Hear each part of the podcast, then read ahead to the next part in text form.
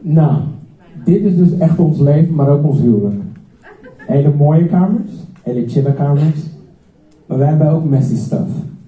En vanochtend, het woord wat we brengen, is echt voor jou.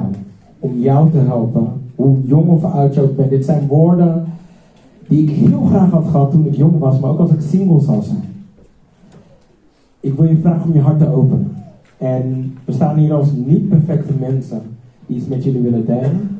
Maar het is Gods hart voor jou. Vanuit een wetenschappelijk onderzoek, maar ook vanuit Gods woord. De afgelopen jaren zijn Philip en ik een beetje geïntrigeerd geraakt door een, um, een Joodse man. John uh, Gottman heet hij. En hij heeft, um, het is een wetenschapper en hij heeft 40 jaar van zijn leven is hij bezig geweest met het onderzoeken van relaties. Van hé, hey, wat maakt nou dat mensen bij elkaar blijven en wat maakt nou dat mensen het niet samenreden, dat ze uit elkaar gaan. En um, die 30, 40 jaar onderzoek, daarin hebben zij ook echt mensen, ja, uh, stellen gevolgd. Zo'n 30 jaar. Uh, sommige 5 jaar, sommige 10 jaar, 20 jaar, 30 jaar. Ze zijn ook nog steeds bezig met hun onderzoek. En zij wisten van tevoren niet of dat nou goede relaties waren of niet. Want je begint ergens met wetenschappelijk onderzoek en gaandeweg ja, kom je daar dus achter. Dus een aantal van die stellen zijn bij elkaar gebleven, een aantal ook niet. En een aantal zijn ook bij elkaar zijn gelukkig en een aantal zijn bij elkaar en zijn niet gelukkig. En dat kan natuurlijk ook. En vandaag de dag kunnen zij voor meer dan 86% met zekerheid voorspellen aan de hand van hun onderzoeken of stellen bij elkaar blijven of niet, of ze het redden of niet. En zelfs al met 15 minuten filmen en observeren, kunnen zij als een stel een, een, een conflict met elkaar um, bespreekt, wat ze al jaren hebben, kunnen ze na 15 minuten kunnen zij aangeven of het stel bij elkaar blijft, maar ook in, op welk moment ze uit elkaar gaan, in welke fase.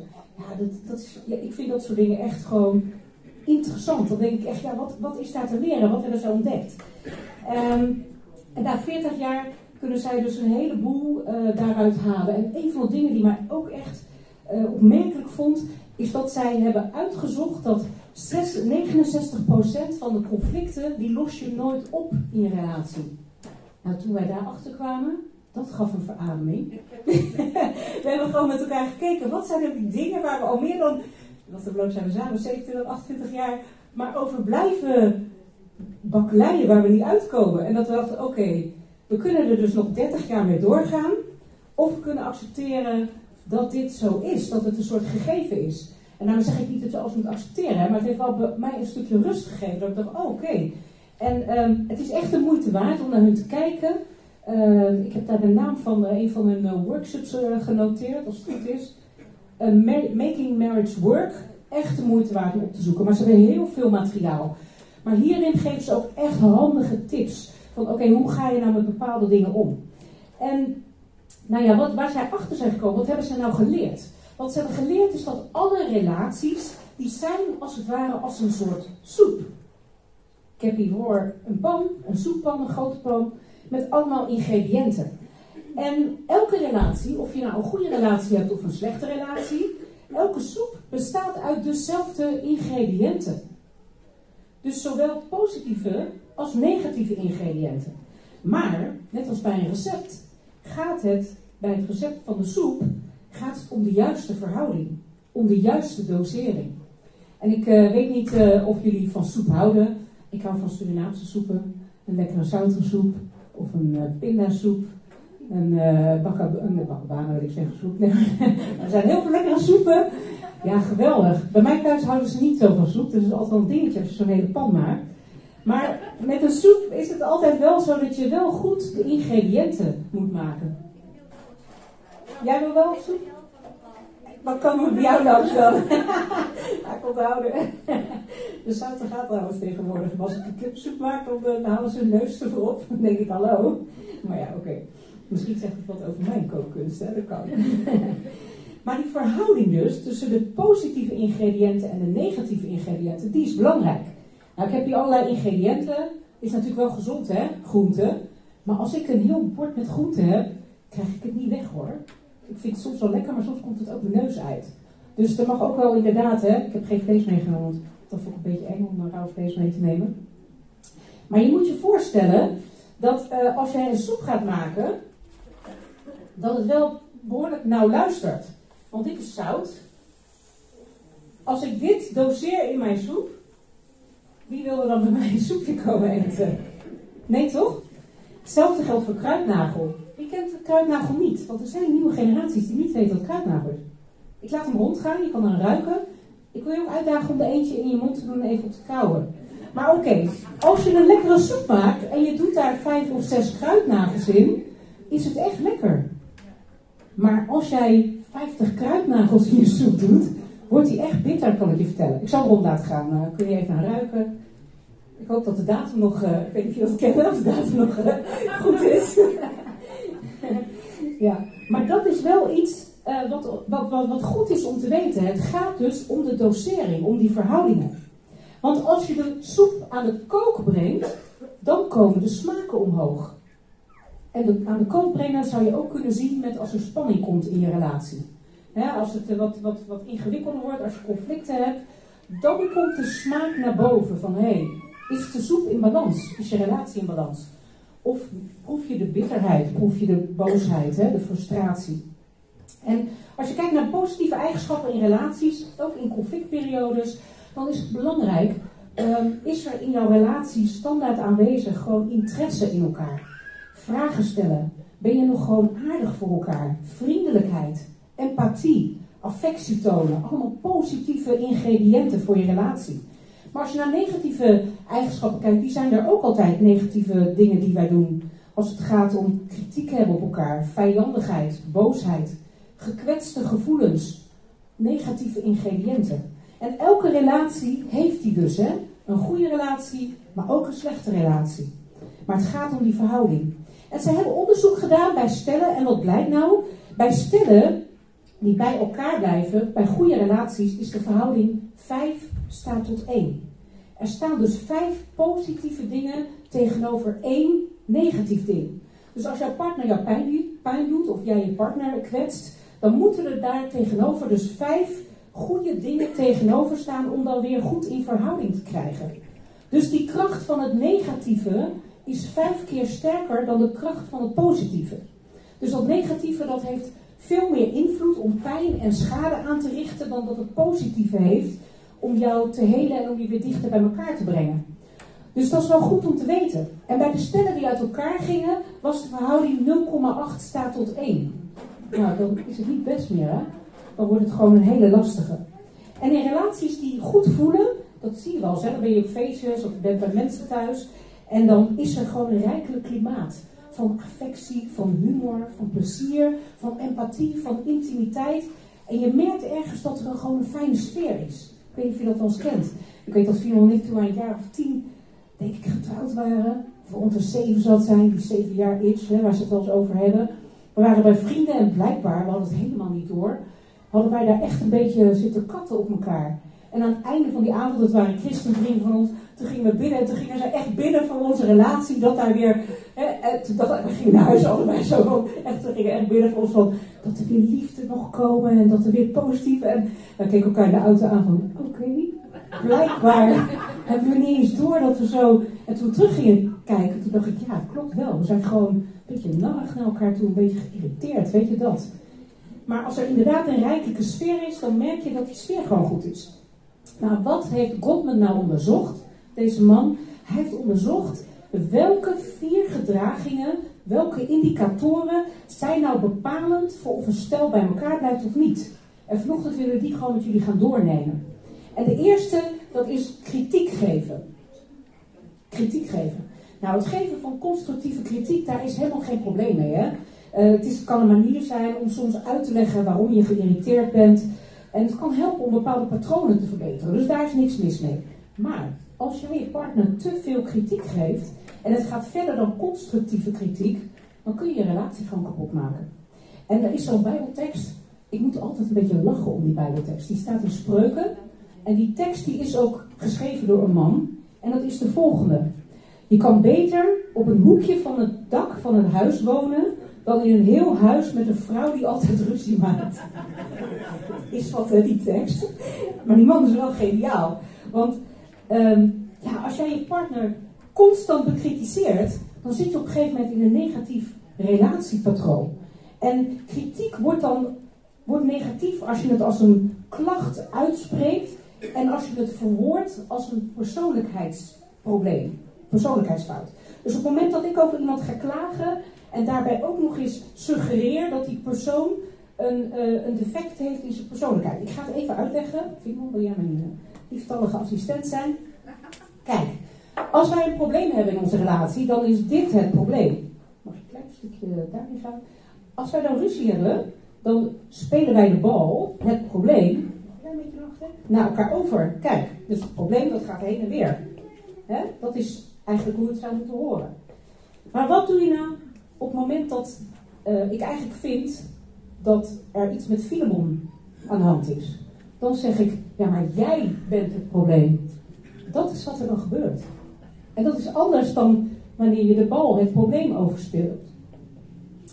En um, als je ziet um, wat Gottman heeft gedaan, hij noemt ze de masters en de disasters. Ik moest er wel lachen toen ik dat. Hij heeft heel veel humor. Uh, de masters zijn dus de meesters die het goed doen en de disasters zijn eigenlijk de rampen. Ik heb er van vanochtend van gemaakt de scheiders en de blijvers.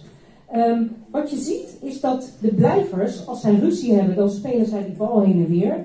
Maar de scheiders, die zeggen, die duwen die bal als het ware in jou en die zeggen, maar jij bent het probleem. Nou, nog een, even een kort voorbeeld. Um, stel nou dat wij, Phil en ik, samen aan het eten zijn. En um, dan zeg ik op een gegeven moment, ja, weet je veel, het valt me gewoon op. Tijdens het eten, je hebt het alleen maar over jezelf gehad. En je hebt eigenlijk helemaal niet aan mij gevraagd hoe mijn dag was. Dat vind ik gewoon niet leuk. Ik wil ook dat je aan mij vraagt hoe mijn dag is. Nou, de blijvers, hè, Filemon die zou, uh, wat ik dus eigenlijk nu doe, is dus inderdaad praten over mezelf, uiten wat mijn gevoelens zijn en vragen wat ik nodig heb. En um, de scheiders die brengen het naar voren als een symptoom van het probleem. Die zou zeggen, je praat alleen maar over jezelf. Je vraagt niet eens hoe het met mij was. Wat is er mis met jou? Dat is eigenlijk wat je dan zegt. He, er komt een verwijt. En op die manier wordt dus niet alleen het gedrag bekritiseerd, maar ook de persoonlijkheid van je partner. En dat is ook wel waar direct het gevaar eigenlijk ligt. Want als je op die manier communiceert, dan doet dat wat met je relatie. Als jij constant kritiek krijgt, dan heb je het gevoel alsof je het niet goed doet. Dat het niet goed genoeg is. En daardoor kunnen er een hoop consequenties gewoon zijn in je relatie. Wat niet positief is voor je relatie. Je kan dingen gaan verbergen voor je partner. Je kan boos zijn, maar dat niet echt willen zeggen. Je kan, het kan wel doen met je zelfvertrouwen. Als je altijd kritiek krijgt, dan kun je gewoon op een gegeven moment het idee hebben van, nou ja, blijkbaar kan ik het helemaal niet. En uiteindelijk kan dat leiden tot een relatiebreuk. Nou, dus dat is de eerste, kritiek. De tweede is een defensieve houding. En die tweede komt eigenlijk voort uit de eerste. Want als jouw partner erg kritisch is, en in onze relatie ben ik dat, en even ook al deze dingen die ik vertel, ik heb ze allemaal gedaan. En soms doe ik het echt nog. Dat ik wel dingen zeg, dat ik denk, oh, ik doe het weer, weet je dat. Dus niks, ja, weet je, ik ben ook gewoon mens, dus ik, doe dat ook gewoon in onze relatie, helaas. Ik zeg wel eens tegen Filemon, hij is heel positief. Het is wel een van de redenen dat we samen zijn, is het door ja, hoe hij van nature zo liefdevol is. Ik heb dat gewoon ja, minder goed vanuit huis meegekregen. En mijn moeder die heeft dat met heel veel liefde geprobeerd te doen. En daar is heel veel verandering gekomen toen zij tot geloof is gekomen. Maar daarvoor had zij het ook niet geleerd. Dus dat ging in de generaties ging dat door. Mijn uh, lieve moeder zit hier. Geweldige vrouw. uh, maar die defensieve houding. Uh, ja, als jij erg kritisch bent, dan gaat je partner zich automatisch defensief gedragen. Dus het is een reactie. Als je ook kijkt naar het Engelse woord defensive, dan betekent dat bewaken. Het betekent afschermen tegen aanval. Hè, om, of om te zorgen dat je niet verwond raakt. En als, uh, als je vaak defensief op andere mensen reageert, dan kom je in een patroon in je relatie wat het ongezond maakt. Want het geeft een soort onveilige, vijandige sfeer in huis. En waar herken je het nou aan? Je merkt dat mensen zich gaan verdedigen. En dat kunnen ze doen door aan te vallen of door zich terug te trekken en te gedragen als een slachtoffer. Maar je ziet ook dat mensen zich heel erg gaan verantwoorden, uitgebreid gaan uitleggen. Ze gaan erover praten. Maar soms is er ook een hele gerichte aanval. Dan heeft iemand dat gedaan en dan wordt het payback time. Weet je dat als je kent. Veel zie je vaak, maar ook vaak in relaties. Maar of mensen gaan heel de tijd ja maar, ja maar zeggen. of ze onderbreken je elke keer. Allemaal manieren om het te herkennen. En wat doen nou de blijvers? De blijvers, dat vind ik heel bijzonder, die accepteren verantwoordelijkheid. Ook al is het maar een klein stukje. Dus dat voorbeeld net van het eten. Hè, wat zou dan zo'n blijver doen? Wat zou typisch een Filemon doen? Die zou zeggen, oh joh, je hebt een punt. Ik ben eigenlijk heel de dag al gestrest. Volgens mij heeft er niemand geluisterd vandaag. Ik zit gewoon niet goed in mijn vel. Je hebt helemaal gelijk. Maar uh, hoe was je dan eigenlijk? Dus zij zijn in staat om verantwoordelijkheid te nemen en ook een stukje te repareren in hun communicatie. En gewoon op terug te komen. Nou, derde punt, dat is gebrek aan respect en minachting. En dit is de beste voorspeller voor echtscheiding. En helaas zijn wij vrouwen hier geniaal in. En dat is niet iets om trots op te zijn. Het is de grootste voorspeller voor echtscheidingen. Vrouwen kunnen soms zo gemeen zijn. Hè? En waar ik achter ben gekomen als vrouw, heb je echt de macht om je relatie op te bouwen of om hem af te breken. En God die zegt wat, hè? in onze tong, daar ligt leven of dood in. We hebben de kracht om iets op te bouwen, te creëren met de scheppingskracht die God in ons heeft gelegd. Maar we kunnen hem ook gebruiken om kapot te maken, om te doden. En ja, mannen kunnen dit overigens ook, maar over het algemeen zijn vrouwen verbaal daar wel wat scherper in. En um, minachting, dat is anders vergeleken met kritiek. Bij minachting voel je je superieur vergeleken bij je partner. Alsof je boven die ander staat. Je kijkt op die ander neer. En je voelt je beter, sterker, punctueler, geordender, slimmer. Mensen krijgen gewoon een beetje een snomistische toon. Ken je dat? En ik heb even zitten denken. Is staat allemaal bijbeltekst hè, die, um, die, die hierbij zou kunnen gebruiken. En waar ik op kwam, dat is Matthäus 7, vers 3 tot en met 5. De tekst die Jezus citeert aan de fariseërs, wat vaak snobistische mensen waren die het altijd beter wisten en een oordeel hadden over iedereen. En die dat bij elke gelegenheid het liefst in je feest duwen, hè? Dat. En wat staat er? Waarom kijk je naar de splinter in de oog van je broeder, terwijl je een balk in je eigen oog niet opmerkt? Huigelaar, verwijder eerst de balk uit je eigen oog. Pas dan zul je scherp genoeg zien om de splinter uit het oog van je broeder te verwijderen. En hierbij gaat het dus niet om het feit dat je iets zegt omdat je echt die ander wil helpen, of omdat je die ander wil corrigeren. Want dat kan natuurlijk, hè, dat er soms iets is wat je gewoon bespreekbaar wil maken. Maar het, het gaat om die houding van voortdurend klaarstaan om anderen terecht te wijzen, te bekritiseren en te veroordelen. Als je dat constant doet, dan maak je je relatie kapot. En je herkent deze mensen ook, of je herkent jezelf ook, moest ik bij mezelf concluderen, dat ze een partner een nieuwe naam geven. Je praat alleen maar over jezelf, egoïst. Opeens heet die egoïst. Die. Je hebt het helemaal, je hebt het helemaal niet geregeld, sukkel. Hé, hey, nieuwe naam, sukkel. Het zit hem ook in woorden als helemaal niets, altijd, nooit, hè, dat soort woorden. Daar kan ook helemaal niets. Hè. Je doet ook nooit iets om ons te ondersteunen. Dat soort verwijtende taal, daar herken je het ook aan. Nou, ik heb me daar echt van moeten bekeren hoor. Dat meen ik serieus. En nog soms, dan wil ik het zeggen, ook soms naar, naar mijn kinderen, dan denk ik, oh nee, ik doe het.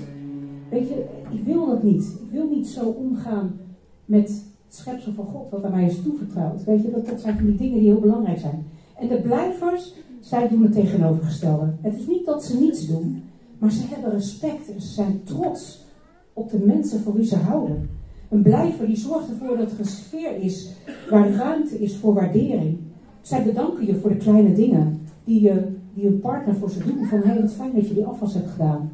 Ah, dank je wel dat je vandaag doorgebracht met de kinderen. Ik weet dat het niet makkelijk was. Of ik vind het zo mooi om te zien hoe jij vader bent voor je kinderen. Dat, dat is zo mooi. Die blijvers die communiceren niet alleen maar affectie, maar ze doen dat ook met respect. En dan de vierde.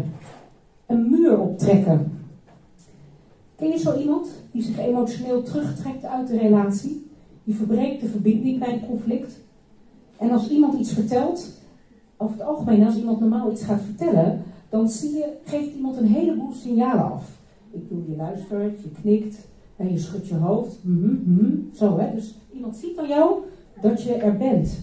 Maar op het moment dat je muur optrekt, dan doe je dat niet. Je doet je armen over elkaar, gesloten houding, kijkt weg, gezicht helemaal strak, geen emotie. Af en toe kijk je even of die persoon er nog is. Zo, ben je er nou nog? Ben je nog niet weg? Die persoon zit daar maar, weet je dat? Ja, stonewalling noemen ze het in het Engels. Een muur optrekken. Maar wat doet nou een muur optrekken?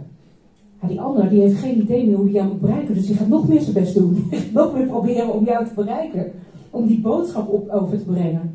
En dat werkt niet. Want iemand die een muur optrekt, daar is eigenlijk gewoon geen contact meer mogelijk. Het contact is verbroken. De verbinding is er niet meer. En dat optrekken van een muur gebeurt vaak later in een relatie.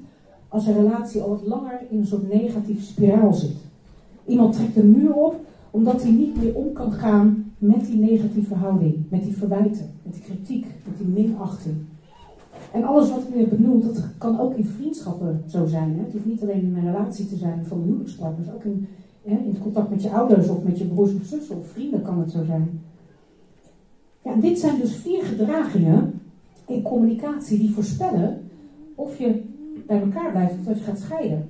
Maar eigenlijk is dit dus gewoon een recept om te falen. En Filemon die gaat uh, het recept geven over hoe kan je nou wel aan je relatie bouwen. Hoe kan je dat nu wel doen? Misschien zit je hier en ben je nog jong en denk je, hé, hey, deze dingen zijn zo überhaupt voor mij. Ga dit oefenen in je vriendschappen. Want veel jongeren of singles die ik spreek, van de week had ik nog een gesprek met iemand die dacht van, hé, hey, ik ga pas mijn patronen veranderen als ik een vriendin heb dan ga je dat recept gebruiken om bij elkaar te blijven. Maar als je dan pas die patronen gaat ontwikkelen, dan is je vriend of vriendin of je toekomstige man of vrouw slachtoffer van het slechte fundament wat jij hebt gelegd. Dus ik wil met jullie kijken naar het recept om bij elkaar te blijven. Zijn we er klaar voor? Zeg even, ben je er klaar voor tegen de man of buurvrouw?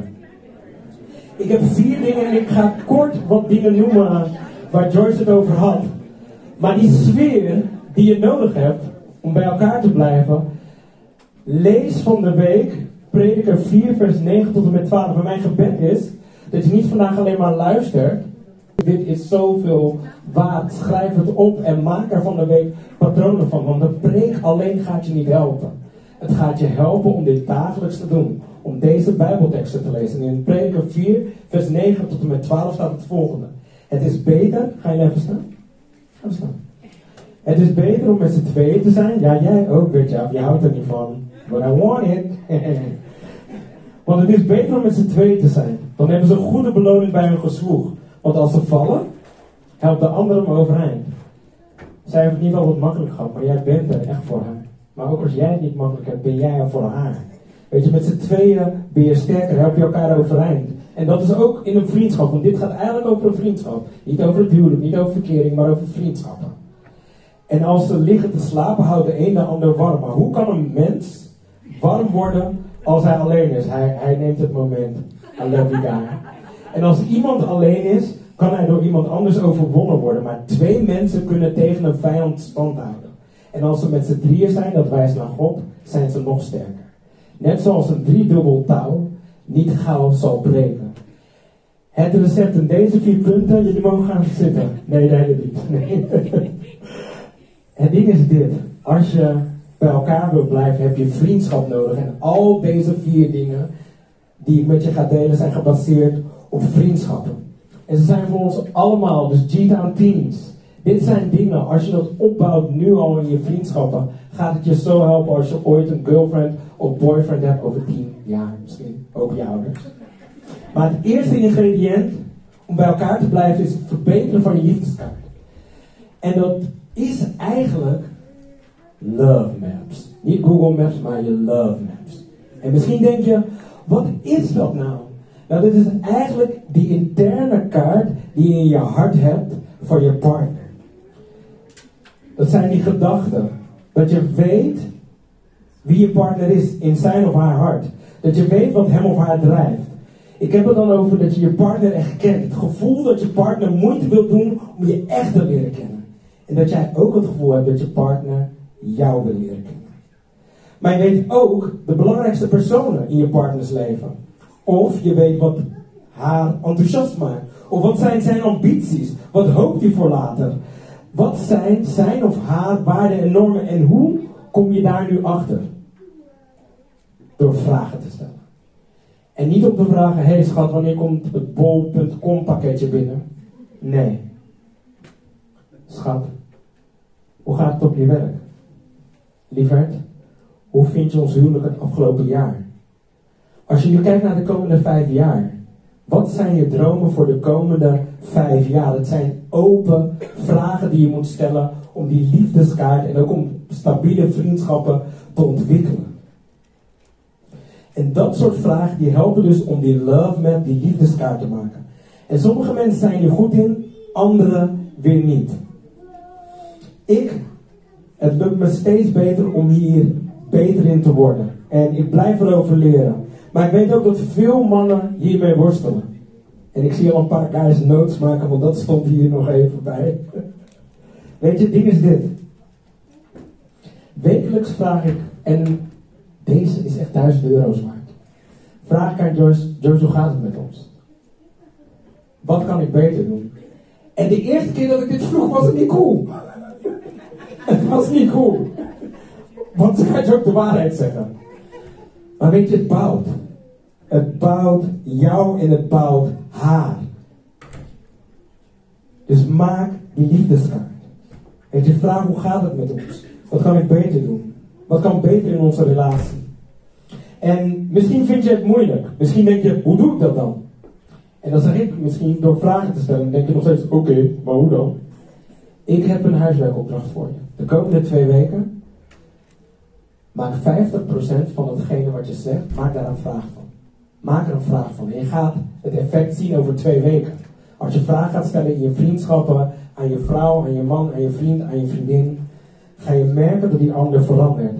Het gaat om die vriendschap dat je weer geïnteresseerd bent, dat je nieuwsgierig bent. Iedereen wil gekend worden en dat is zo chill om dat te voelen dat iemand echt geïnteresseerd in je is. En dat is die liefdeskaart. Als je vragen stelt, zal je relatie veranderen. Het is essentieel in je relatie. En toch is het zeldzaam. We zijn ook gewend in de wereld van nu om veel stellingen te maken. Om gewoon te zeggen, dit is wat ik denk. Ook op social media. Dus doe het bewust. Ga niet alleen maar uitzenden, maar ga ook ontvangen. Stel dus vragen. En als je die vraag stelt, wacht ook echt op het antwoord. Stukje wat hierbij hoort, is ook als je vragen gaat stellen, dan komt er misschien minder kritiek. Maar stel dat er nog steeds kritiek is, gebruik dan een zacht begin. En misschien denk je, wat is een zacht begin? Een zacht begin is een tegengift voor kritiek. En die tekst die George daar net had genoemd staat in Spreuken 18 vers 21. Woorden hebben macht over leven en dood. Wie zijn tong koestert, plukt daarvan de vruchten. Een zacht begin, waar ik het zo over ga hebben, dat is eigenlijk ik-taal. Als iemand kritiek op je heeft, dan zul je merken dat er weer leven komt in je relatie. Maar ook Spreuken 15 vers 4, daar staat... Kalme woorden zijn een levensboom, maar een valse tong vernietigt de geest. Dat zachte begin is als kalme woorden. En de tegengif voor kritiek is dus om te klagen zonder de schuld neer te leggen bij de ander, wat George bij die bal, met die bal naar me toe deed. Als je een zacht begin maakt, dan vermijd je het zeggen van jij. Want dat wijst op een klacht. In plaats van dat je ik gebruikt. Dus gebruik die ik dan. Simpel gezegd, moet je aan deze twee dingen denken als iemand kritiek op je heeft. Wat voel ik en wat heb ik nodig? En kritiek is, je praat altijd over jezelf. Waarom ben je altijd egoïstisch? Maar een zacht begin zegt, schat, ik voel me buitengesloten. Je bent al heel de dag over jezelf aan het kletsen. Ik hoorde George al zeggen. Maar dan komt het zachte begin. En ik heb het nodig om mijn gevoel kwijt te kunnen. Kunnen we het ook over mijn dag hebben? Dit is wat je doet bij een zacht begin. Je begint met ik voel. Je gaat naar ik heb nodig. Dat zegt je respectvol. Ga dit oefenen. Dit, wat voel ik en wat heb ik nodig? En in het begin zal het awkward voelen. Dat je denkt, uh, zo wil ik niet praten. Maar weet je, door te oefenen, 10.000 keer ga je het voelen. En gaat het je relatie onwijs helpen. En begin gewoon met vijf iedere. En uiteindelijk gaat dat veranderen in patronen. Dus bouw een patroon op van vragen stellen die love met maken. En een zacht begin. Gebruik die ik-taal. En spreek je behoefte positief uit. Dit is dus het eerste ingrediënt om bij elkaar te blijven. Het is als een soort van uien in je soep. Nu wil ik naar de peper. Die peper was die andere kant. George had het over minachting. Maar datgene wat je relatie echt vuur en passie weer terug gaat geven en wat die sfeer weer chill gaat maken, is een klein beetje beter. En dat is een cultuur van respect en waardering bouwen. Dat is het tegengif voor minachting. Minachting laat zich zien in uitspraken van superioriteit. George had het ook over dat snobistisch gedrag. Maar minachting hoort niet bij kinderen van God. En toch zie ik het. Soms komen we bij mensen binnen en dan vragen ze ons om, ons, om ze met hun relatie te helpen. En dan denk ik, mijn hemel, dit stuk hoor ik er zo heftig in. Maar weet je wat Gods woord zegt? Dat we een cultuur van respect en waardering moeten bouwen. Dat staat in Efeze 4, vers 29. Lees die ook thuis door, want daar staat zoveel in. Er staat: laat geen verderfelijke taal over uw lippen komen, maar alleen goede en waar nodig opbouwende woorden. Die goed doen aan wie ze hoort. Dus gebruik goede en waar nodig opbouwende woorden. En in Spreuken 16, vers 24, die is ook zo mooi, schrijf die op. Een vriendelijk woord is een korf vol honing. Zoet voor de ziel en gezond voor het lichaam. Jouw woorden kunnen je partner, je vrienden, je vriendinnen gezond maken. Het tegengif voor die minachting is een cultuur van waardering en respect in je relatie bouwen. En dat kan je op de volgende manieren doen. Door kleine gebaren, zoals het regelmatig je waardering uitspreken. De ander bedanken.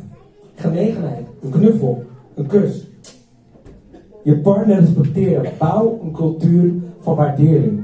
Zeg gewoon dank je, ik ben trots op je. Ik bewonder je, ik heb respect voor je. Wat ik bijna dagelijks doe, zoals ik op mijn werk zit, tussendoor, tussen de lessen door, stuur ik George een bericht, ik hou van je.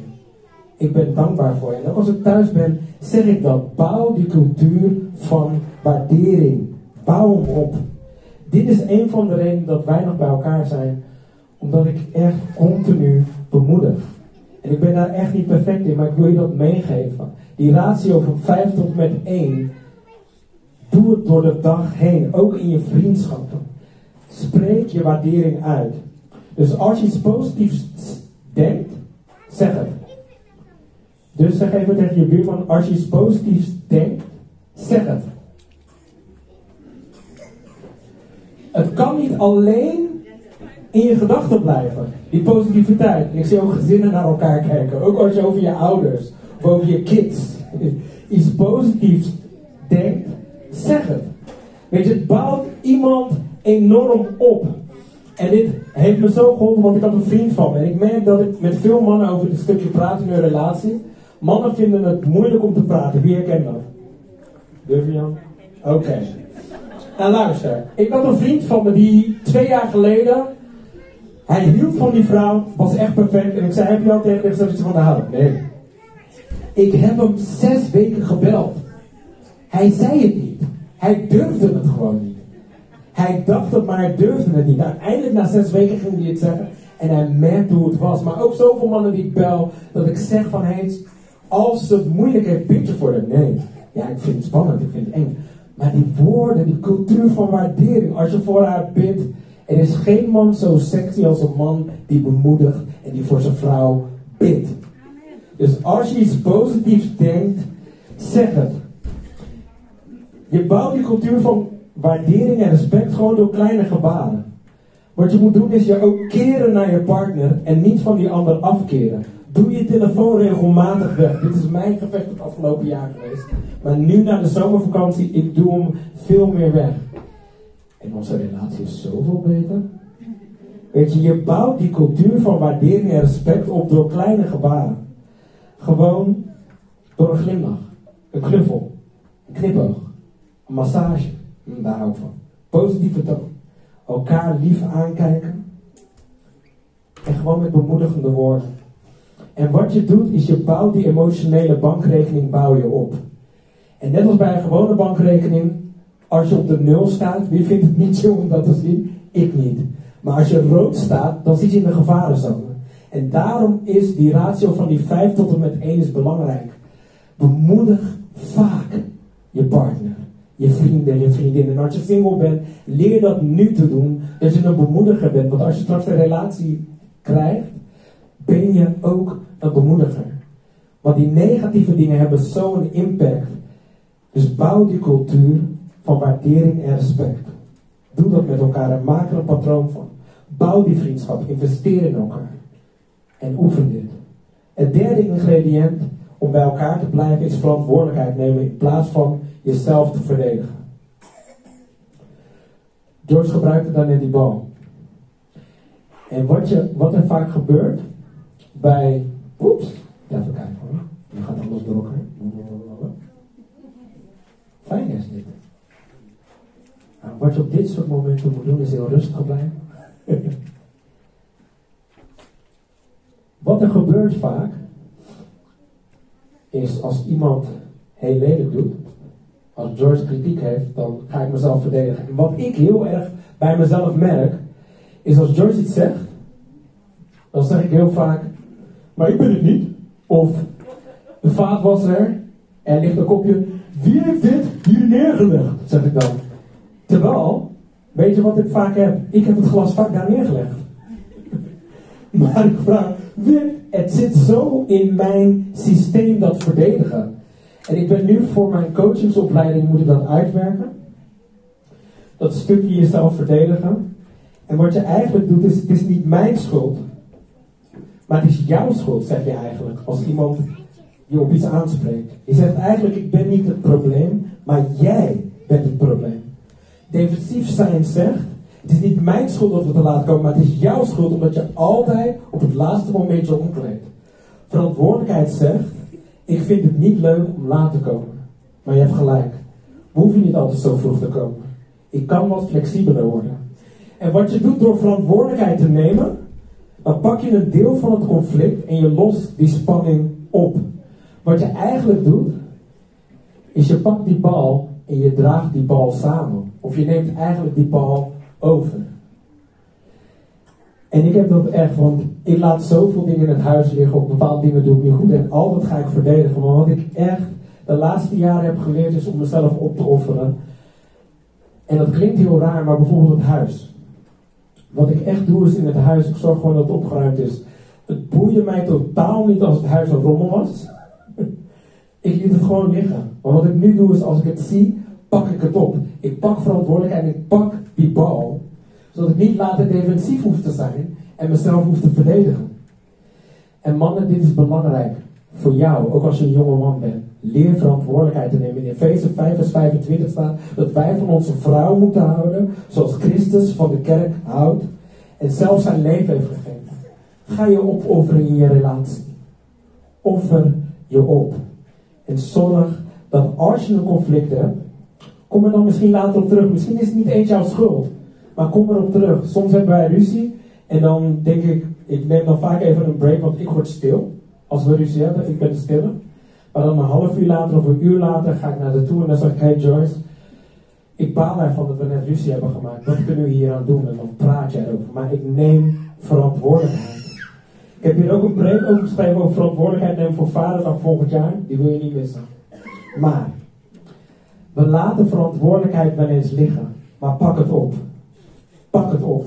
Ga als eerste en neem die verantwoordelijkheid. En singles, leer nu verantwoordelijkheid te nemen. Betaal je eigen rekeningen. Ruim je kamer op. Zorg dat je rust hebt in het huis waar je woont van je ouders. Dat je dat stuk doet. Want als je nu leert verantwoordelijkheid te nemen, gaat het je zo helpen om uiteindelijk met je toekomstige partner bij elkaar te blijven. En sommigen denken nu aan die sokken die er nog liggen op de grond. Het vierde ingrediënt voor een goede relatie is psychologische zelfzorg. En dit is het tegengif tegen de muren optrekken. Matthäus 22, vers 37, daar discussieert Jezus met die fariseeërs weer. En dan vragen ze, wat is het belangrijkste? Ze willen hem in de val lokken. En dan zegt hij, het belangrijkste is, heb de Heer God lief. Met heel je hart, heel je ziel, heel je verstand. En je naaste als jezelf. En dat jezelf lief hebben, die zelfzorg, daar praten we hier te weinig over in church. En bijna in alle kerken. Maar het is zo belangrijk. Wanneer koppels muren optrekken, staan ze meestal onder enorme emotionele druk of stress. Je hartslag neemt toe. Ken je dat als je ruzie hebt? Je stresshormonen komen in je bloedbaan en je hebt zelfs een soort van vecht- of vluchtreactie. En in een van die onderzoeken, toen ze naar die koppels aan het kijken waren, onderbraken ze een koppel midden in hun ruzie. En ze zeiden, we moeten even iets aanpassen in de woning. En wat ze toen hebben gedaan is een half uurtje eventjes niet met elkaar praten over dat probleem. Een half uur hebben ze een break genomen en toen ze uiteindelijk weer met elkaar kwamen praten, was hun hartslag gezakt. En hun omgang met elkaar was positiever. en opbouwender. Wat is er nou in dat half uur gebeurd? Iedere partner heeft zonder het te weten psychologisch beter voor zichzelf gezorgd. Door te lezen, discussie te vermijden en op een respectvolle en rationele manier na te gaan denken. Daarom is het tegengif tegen muren optrekken zelfzorg.